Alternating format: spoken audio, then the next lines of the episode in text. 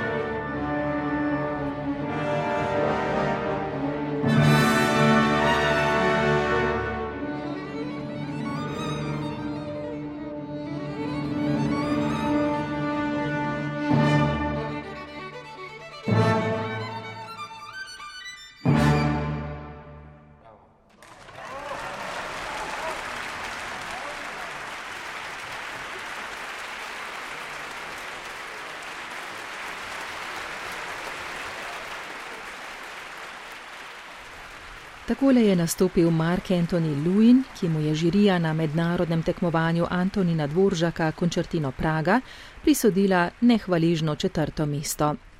Nastopil je s praškim radijskim orkestrom in dirigentom Vahanom Mardirosjanom, izvedel pa je koncert za violino v D-molu opus 47 Jana Sibeliusa. Tako sta minila dva izmed štirih solističnih nastopov finala tekmovanja Antonina Dvoržaka Končertino Praga, ki so potekali 18. septembra v Rudolfinumu v Pragi. Prihodnji teden bosta zaigrala še dva pianista, Rajan Martin Brečo iz Slovaške in Jan Šulmeister iz Češke. Oddajo je pripravila glasbena urednica Vesna Vovk, tonska obdelava Mirta Berlan, brala Barbara Zupan. Oddajo nove glasbene generacije lahko v kratkem poiščete tudi v svoji aplikaciji za podkaste. Lep dan še naprej.